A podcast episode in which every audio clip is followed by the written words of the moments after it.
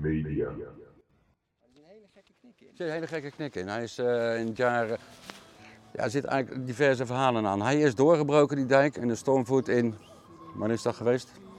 1200, rond 1300 of zo. Is die dijk doorgebroken. En dat is een aardig, eh, aardig drama geworden, want in die bocht, aan deze kant dan, waar het Willem Pijperplein, daar lag vroeger het dorp Maasland. Het oude dorp Maasland. Zullen niet veel mensen weten, denk ik, dat dat daar beneden in die bocht heeft gelegen. Regent weer in Maasluis. Ik ga, ook al kom ik ooit weer thuis.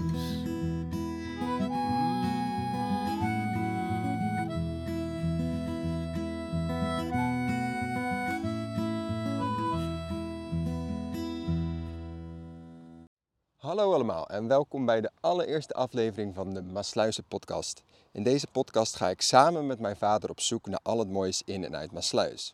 Allebei zijn wij geboren en getogen in Maasluis en hebben dan ook veel interesse in deze mooie stad.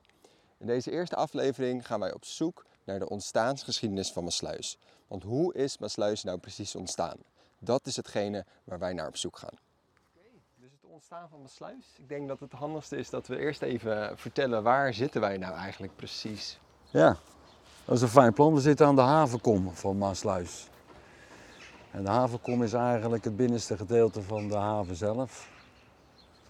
En de kom, ja, dat heeft te maken dat schepen hier kunnen keren. Die eh, verder varen en eruit moeten. En die kunnen hier keren en weer naar buiten. Dus volgens mij gaat dat terug naar de visserstijd of zo. Die grote vissersboten wachten binnen de haven helemaal vol met twee breed. En dan kwamen ze hier te keren en dan gingen ze naar zee toe.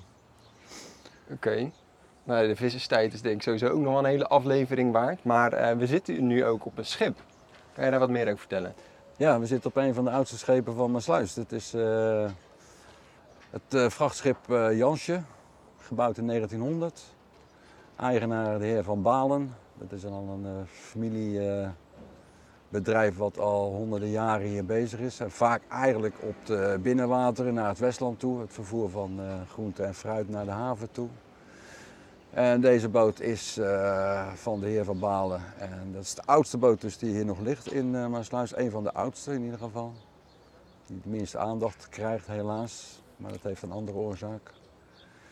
Het is een mooie locatie waar we hier zitten. Ja. En even die, de Jansje ligt als op het moment dat je vanuit het centrum eh, naar, bij de brede trappen omhoog loopt. Dus dat is niet bij de dijk, maar bij de brede trappen. Dan steek je over en dan ga je de groene, groene Schansbrug over. En daar links gelijk ligt de boot Jansje. En daar zitten wij dus nu met, eh, ja, lekker met Ja. ons gezicht in de zon.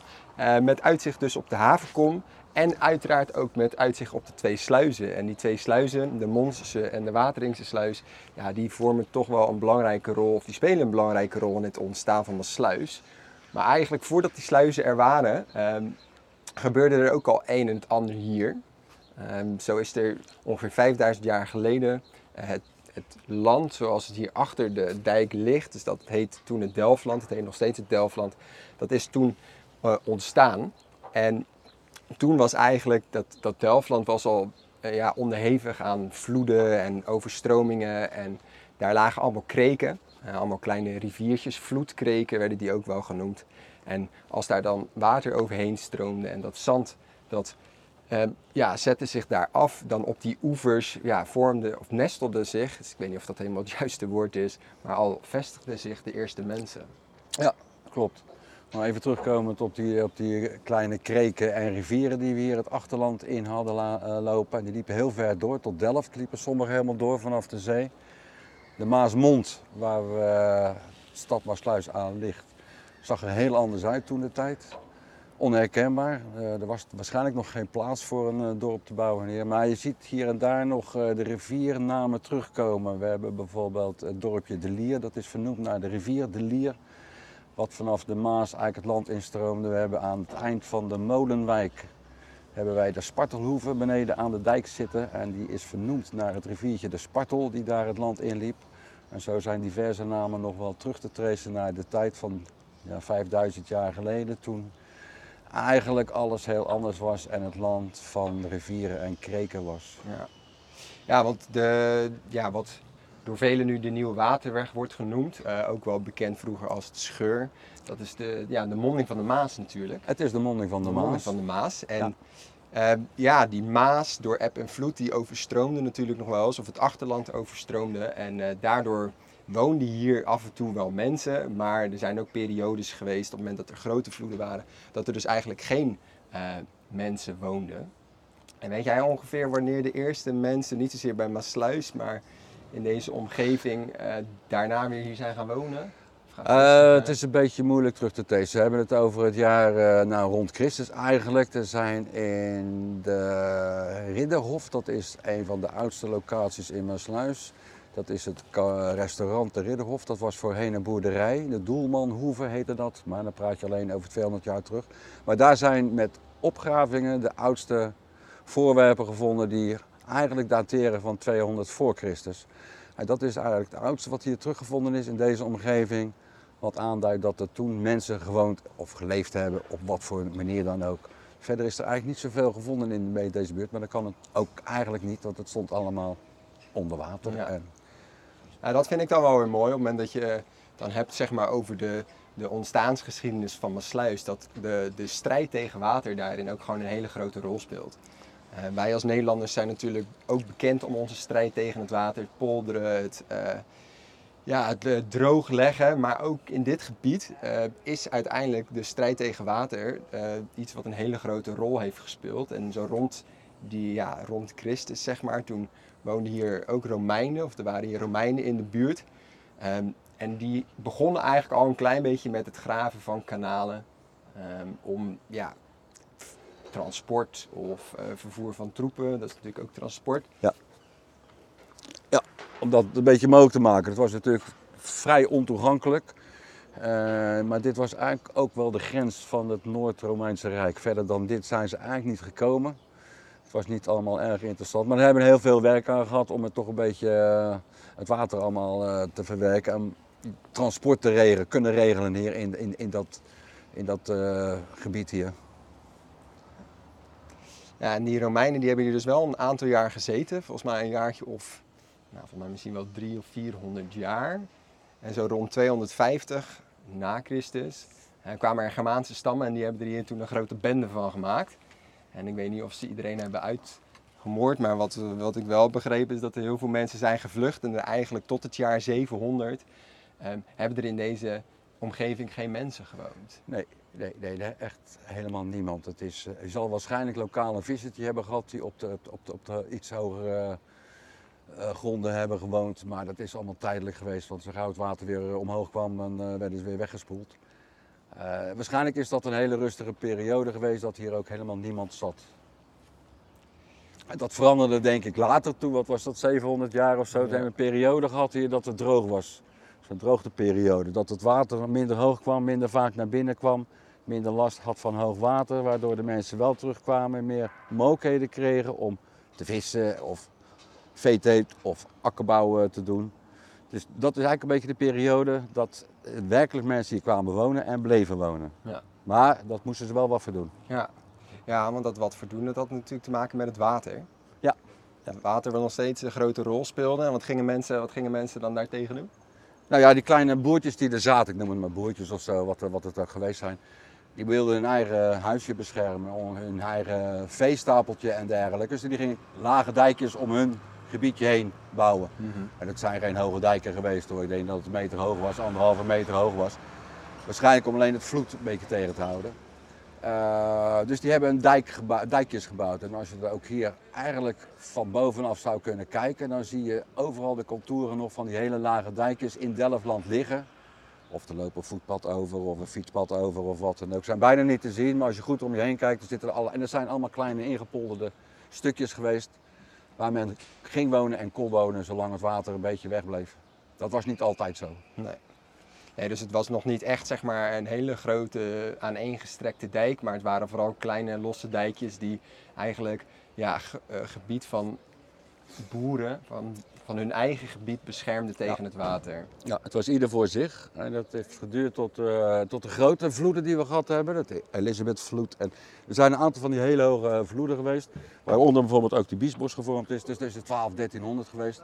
En toen dachten ze, ja, dan moeten we wat meer gaan doen, want dat wordt te gek. En toen hebben ze onderling besloten om toch al die dijkjes aan elkaar te knopen. En toen is er eigenlijk een, eh, hebben ze een hoge dijk gebouwd van eh, de Hoge Dijk, Zeedijk, die liep eigenlijk van De Lier, Stravenzandel, De Lier tot aan eh, Vlaardingen. En dat is de Hoge Zeedijk geworden, die Ja. dus een groot gedeelte van het achterland toen al beschermde. Dus Van de Lier tot en met Vlaardingen. Ja, oké. De, ho- de Hoge Zeedijk. Ja. En eh, jij zei die Elizabethvloed en die vloeden. ehm, zou je misschien een indicatie van kunnen geven van hoe hoog dat water toen Dat- ongeveer was? Wat zou je, zouden wij nu dan eh, helemaal niet droog zitten? Of? Nee, die zou hier niet droog zitten. De Hoge Zeedijk zitten we hier links tegenaan te kijken op het ogenblik. Dus Ja. we kijken tegen de achterkant van de, van de sluis. Er zit een aantal stenen in de muur gemetseld. En als je de vloed neemt van 1953, de watersnoodramp, dat is de enige die we eigenlijk zelf allemaal meegemaakt hebben, een groot gedeelte van de mensen dan. En die is tot 1 meter onder de dijk daar gekomen. Dus dat heeft heel weinig gescheeld of het achterland was toen de tijd in 1953 ook eh, onder water komen staan. Want die Elizabethvloed zal waarschijnlijk dezelfde hoogte gehad hebben. Ja. Dus wij hebben, waar we nu zitten, staat allemaal onder water. Ja. ja. En die Hoge Zeedijk, even eh, voor de duidelijkheid. We kennen allemaal de Hoogstraat en de Stadhuiskade. En eigenlijk die Hoogstraat, dat is dus een, een gedeelte van die Hoge Zeedijk. Ja, dat is een doorlopende dijk. Juist. Hij heeft hier een andere naam gekregen. Je hebt de Noorddijk, de Hoogstraat en de Zuiddijk. En dan loopt hij door naar Vlaardingen toe. Ja. En dat is eh, het verlengde van de Maasdijk. Dus eigenlijk de gehele Maasdijk die daar begint tot aan Vlaardingen. Alleen ze hebben eigenlijk lokaal allemaal een eigen stukje naam gekregen. Ja, een naam gekregen, ja. een stukje. Ja, dat is... eh, Maar goed, dus op een gegeven moment, eh na aanleiding van die grote vloeden, zijn ze dus, eh, kwamen ze op het geniale idee om van die kleine dijkjes een aaneengesloten hoge zeedijk te maken. Dus die strijd tegen het water van zee, zeg maar, eh, ja, die was in dat opzicht een soort gewonnen. En toen begonnen ze dus met het eh, nou, water uit het achterland juist krijgen. Ja, dat is natuurlijk wel een, een probleem. Het is wel leuk dat je het water buiten houdt, maar het water wat je binnen hebt, moet Ja. ook naar buiten kunnen. Dus dat was wel eh, niet een probleem, maar er moest gewoon een oplossing voor gevonden worden. En die werd ook wel gevonden, alleen daar was er een hoop geld voor nodig om dat ten uitvoer te brengen. En dat ehm, deden de rijke gemeentes die hierachter lagen, gemeente Naaldwijk, of weet het, Ambachten? ja, dat heette toen de tijd heette dat ambachten. Dus had je het ambacht Wateringen, een monster. Maar bijvoorbeeld ook Naaldwijk en wat heb je nog meer daar zitten? Schipluiden, Den Horen denk ik. En die hebben toen geld bij elkaar gebracht en die hebben het water, eh, de, de, de gegraven om het water af te voeren naar in dit geval Maasluis toe. En dat zijn de Zuidvliet en de Noordvliet geworden en de Bonenvliet. Vandaar ook de namen die we hier hebben zitten van de, de sluizen. Die worden ook wel luchten genoemd trouwens. Eh, hier zit je bij de Monsterse sluis zitten we tegenaan te kijken. Nou, die is betaald door Ambacht Monster. En die zit aan de kant van de, van de Schansbrug. Ja, en de, wat hebben we daar? De Wateringse sluis, die zit er natuurlijk net naast. En de Bonenvliet, nou die kennen we ook natuurlijk. Die zit aan de buitenkant tussen mijn sluis en Vlaardingen in. Die, zit aan, eh, eh, die sluizen zitten aan die kant. Dus er zijn hele grote wateren die eh, gegraven zijn toen de tijd om het overtollige water weg te krijgen. Ze hadden nog geen gemalen, dus dat gebeurde wel op een andere manier. Ja, door te graven. En dat is dus ook waar, het, eh, waar, het, waar de naam Delfland van komt. Het, het graven van watervaart, sloten, eh, noem het allemaal op. Ja, dat heette vroeger Delven. En zo is dus ook de naam eh, Delfland ontstaan. En eh, nou, die, die hoge zeedijk die werd dus op een gegeven moment aan één sluitend gemaakt. Ehm, en er kwamen hier en daar wat, wat luchten of wat sluizen tussen. Ehm, maar nou weet ik toevallig, als je dus hier de dijk oploopt en je gaat naar links en je loopt helemaal de Noorddijk af, ja, dan maakt hij op een gegeven moment een hele gekke bocht naar rechts. Om het Willem Pijperplein heen, die oranje huizen met die groene daken, om Ja. de vloot heen, om de skatebaan, om de Witte Kerk, om dan weer op de Westlandse weg, wat denk ik ook een deel was van de Hoge Zeedijk. Waarom zit die, die, die hele gekke bocht erin? Want als Ja. je van boven kijkt op de kaart, dan, dan, loopt, dan zou je zeggen dat die van Kortenhof in één keer doorloopt naar nou ja, een beetje de Koningshoek, Shell in West. Ja. Maar er is een hele gekke knik in. Er zit een hele gekke knik in. Hij is eh, in het jaar. ja, er zitten eigenlijk diverse verhalen aan. Hij is doorgebroken, die dijk, en de stormvoet in. Wanneer is dat geweest? 1200, rond 1300 Ja. of zo. Is die dijk doorgebroken. En dat is een aardig, eh, aardig drama geworden, want in die bocht, aan deze kant dan, waar het Willem Pijperplein, daar lag vroeger het dorp Maasland. Het oude dorp Maasland. Zullen niet veel mensen weten, denk ik, dat dat daar beneden in die bocht heeft gelegen. Maar goed, er was door het gat wat in die dijk gekomen was en het water wat naar binnen stroomde, een groot diep gat ontstaan. En nadat het water weg was, moest dat gat gedicht worden om die dijk weer te herstellen. Men vond het makkelijker om die dijk eromheen te bouwen, om dat diepe gat heen. Dorp Maasland lag eigenlijk in het gat. Het was compleet verdwenen. Het was nog geen dorp hoor. Het was een boerderij met drie of vier kleine Ja. boerderijtjes eromheen. Maar het had de naam Maasland. En het is later herbouwd waar het nu ligt. Dus daarvan zit die knik in die dijk. Hij is om dat gat heen gebouwd. Om die dijk weer te herstellen. Maar het is een beetje raar als je dat eh, zo ziet. Nou ja, het is raar en ook wel. Dus Maasland lag eigenlijk vroeger waar nu Maasluis Ja. gewoon is. Dus Ja. dat is nog wel mooi in, in, in, in, de, in de veten tussen Maasluis en Maasland. eigenlijk mogen ze.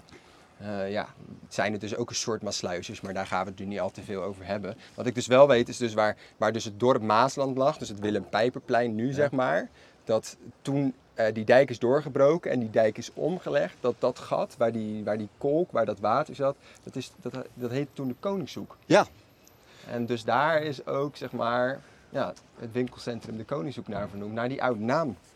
Dat, Denk die komt ik. daar vandaan. Ja, wel, nou, ze zijn het er niet helemaal over uit. Want het was, eh, dat dorp wat er zat, zat de boerderij, was, zat, daar, zat daarvoor. En het was van de, eh, van de Frank, Frank, eh, Frankenkoning of Oh, wat dan ja, ook ja. dergelijke. Maar men is niet helemaal over. Graafschap Franken of zo was dat dan? Ja. Zoiets, ja.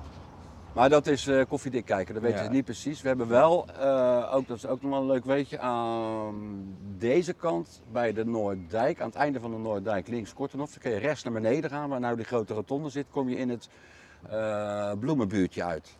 Ja, dat is de Narcisstraat en Oh de ja, de Tulpstraat daar. En daar zit in die bocht beneden. Daar in die bocht. de Sering, Seringenflat daar zo.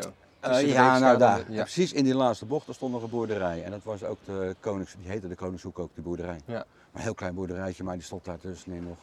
Maar dat is ook verdoemd naar die hoek waar Ja. dat vandaan komt. Oké, nou ja, weet je, kijk, zo leer je toch ook weer elke dag wat. Ehm, nou goed, in ieder geval naar die, naar dus uiteindelijk zeg maar het ontstaan van Maasluis. Want we zitten zo rond het jaar 1260. Eh, die dijk die is aan één sloten gemaakt. Daarin worden sluizen, oftewel luchten geplaatst. Om ervoor te zorgen dat het overtollige water van, achter, van het achterland, van het Delfland, ja, eh, ge- gelucht kan worden. Ja. En op een gegeven moment hebben dus de ambachten Monst- eh, Monster en Wateringen de opdracht gekregen om ja, ook meer sluizen te maken. Eh, nou, ze- het, het was het eigen belang Ja. natuurlijk van hunzelf. Ja. Hè. Dat door die, am- om- die ambachten zelf besloten om dat te gaan doen. Want zij zaten met het wateroverlast, dat moest weg. En dat moest bekostigd worden. Ja. Ja, en iemand die daar helemaal verantwoordelijk voor was, voor, voor de waterregeling en de peilhoogte van de waterstanden, was toen nog niet echt goed geregeld. Wat je nu wel hebt natuurlijk. Er is daar gewoon één maatschap die daar verantwoordelijk Ja. voor is, maar toen de tijd niet. Dat moest elke gemeente voor zichzelf regelen. Dat het waterstanden in het dorp Ja. goed bleef of in het ambacht. Nou, dit was de oplossing. Een aantal oplossingen. Er zijn heel veel van die luchten zijn er gebouwd, of sluizen zijn er gebouwd in die hele dijk. Ja. En het oorspronkelijke gedachtegang was natuurlijk met laagwater in de haven en hoogwater in de vlieten. Nou, je maar de klep open te zetten, het water stroomde weg Ja. en dan kwam het water op in de haven. Dan ging dan die klep weer weer dicht en dan... Dus het was nog niet spectaculair. Maar zo werd dat toen de tijd geregeld. Er stonden nog geen elektrische pompen en dergelijke, uiteraard niet. Wat nu op het ogenblik wel het geval is. ja, en dus rondom die twee sluizen, dus de Noordvliet, de Zuidvliet, met sluizen op, eh, op de zee, op de Maasmonding eigenlijk, of richting, eh, richting de zee. Ja, dat is dus ook eh, waar de eerste ja, bewoners van Maasluis, om het zo maar even te zeggen, want het werd toen Maaslandsluis genoemd. Ja. De sluis van De Maasland. sluis van Maasland, Ja. bekostigd dan wel door de Monster en Wateringen dan. En nou ja, daar kwamen dus sluiswachters, die de boel in de gaten hielden, maar natuurlijk ook vissers. Ja, vissers kwamen er ook hier. Want die vissers die dachten natuurlijk, ja, op het moment dat er wordt gesluist of gelucht, het water vanuit de vlieten de zee in, knal ik mijn netje ervoor. Ja. En bingo. Zo, inderdaad, zo zijn natuurlijk ook de eerste mensen hier gekomen. Dus dat waren de sluiswachters en de vissers. En verder was er eigenlijk niets. We zitten op de Hoogstraat te kijken hier. En de Hoogstraat zit nu zeven of acht grote eh, gebouwen staan er. Maar daarvoor stond er niet veel. Er stonden een paar houten huisjes. Een leme, leme Ja, huisjes en een Ja, voor de deur. En meer was er toen de Nee. tijd niet. Maar ja, dat zijn dus eigenlijk de eerste bewoners van het huidige Maasluis zoals Ja. wij het kennen. Ja, ja. Dus het is ontstaan door nou, het graven van twee vlieten, die sluizen erin en eh, nou, daar gingen uiteindelijk mensen zich vestigen. En nou, uiteindelijk speelde de visserij, waar we het al over hebben gehad, een grote rol, maar dat gaan we nog een andere keer doen. Ja, dat, was, eh, dat doen we een andere keer. Dat is, eh, dat is echt het ontstaan van Maasluis. Want toen de tijd, Maasland, Sluis, behoorde gewoon bij Maasland. Ja. Er was nog totaal geen sprake van Maasluis. Dat mag ook wel even gemeld worden in de veten, dat wij eigenlijk eerst onderdeel waren van Maasland. Ja, Om daar nog even op terug te komen. Ja. Oké, nou mooi. Weet je, dan, dan duidelijk over hoe nou Maasluis uiteindelijk is ontstaan. Ja. En ik denk dat het... eh, Nou, nog een leuk, eh, leuk afsluitertje is waarschijnlijk waar we tegenaan zitten kijken, is het Delftlandhuis. Oh ja, Dat is een van de mooiste gebouwen hier die op de, in mijn sluis staan. En eh, ook aan, aan, aan de stadhuiskade is dat. En dat is natuurlijk, Delftland is natuurlijk verantwoordelijk voor de waterhuishouding Juist. in het hele Delftlandgebied. En we zitten hier op het, eh, op het huis te kijken, wat een van de oudste gebouwen is in mijn sluis ook. En goed onderhouden. ja. En een mooie locatie ook daarvoor. Nou ja, zeker. En dat is ook nog even goed om daarbij te zeggen. Dat dus in rond 1260 op een gegeven moment ook werd besloten om die grote zeedijk te maken. En dat rond 1319, ja, toen ze bezig waren met dat eh, water in het achterland en dat te regelen met die sluizen. Ja, toen is ook het Hoogheemraadschap Delftland ontstaan. En in 1334 zijn die sluizen hier gekomen in Maasluis. Dat, eh, hoe heet het ook? Het Delftlandhuis ligt trouwens naast de Wateringse sluis. Als je bij de ijsboer op de markt, ja, wat is het ijssalon van mijn moeder of Jeroen, hoe heet Ja, het van? Jeroen, van Jeroen de Als je IJsmaker. daar omhoog loopt, kom je bij de Wateringse sluis en dan rechts is het Delftlandhuis. En eh, nou ja, op de achtergrond horen we het, hoe heet het ook weer? Carillon? Het Carillon van de Grote Kerk. Carillon van de Grote Kerk. Ik denk dat dat een mooi moment is voor ons om deze af te sluiten. En misschien ook om richting een klein biertje te gaan. Ja, is goed. Eh, de markt is open. De markt is open. Ik zie ook dat er een boot aankomt, dus de bel van de brug gaat ook zo. Wij gaan een lekker biertje halen. Is goed. En met dat biertje eindigen we deze eerste aflevering van de Maasluizen podcast. Waarin ik samen met mijn vader het heb gehad over het ontstaan van Maasluis. Hopelijk vond je het interessant en voor meer informatie kun je ons ook volgen op Instagram, de. Mocht je nog vragen of opmerkingen hebben, dan horen we dat uiteraard graag. Voor nu bedankt voor het luisteren en hopelijk tot de volgende keer. En de polders zullen straks weer veilig slapen. Rusten tussen hun zacht groen en blauw. Ik voel hun vrede als ze gapen. En ik breng hun beloften straks bij jou. Regent weer in Maasluis. Ik ga, ook al kom ik ooit weer thuis.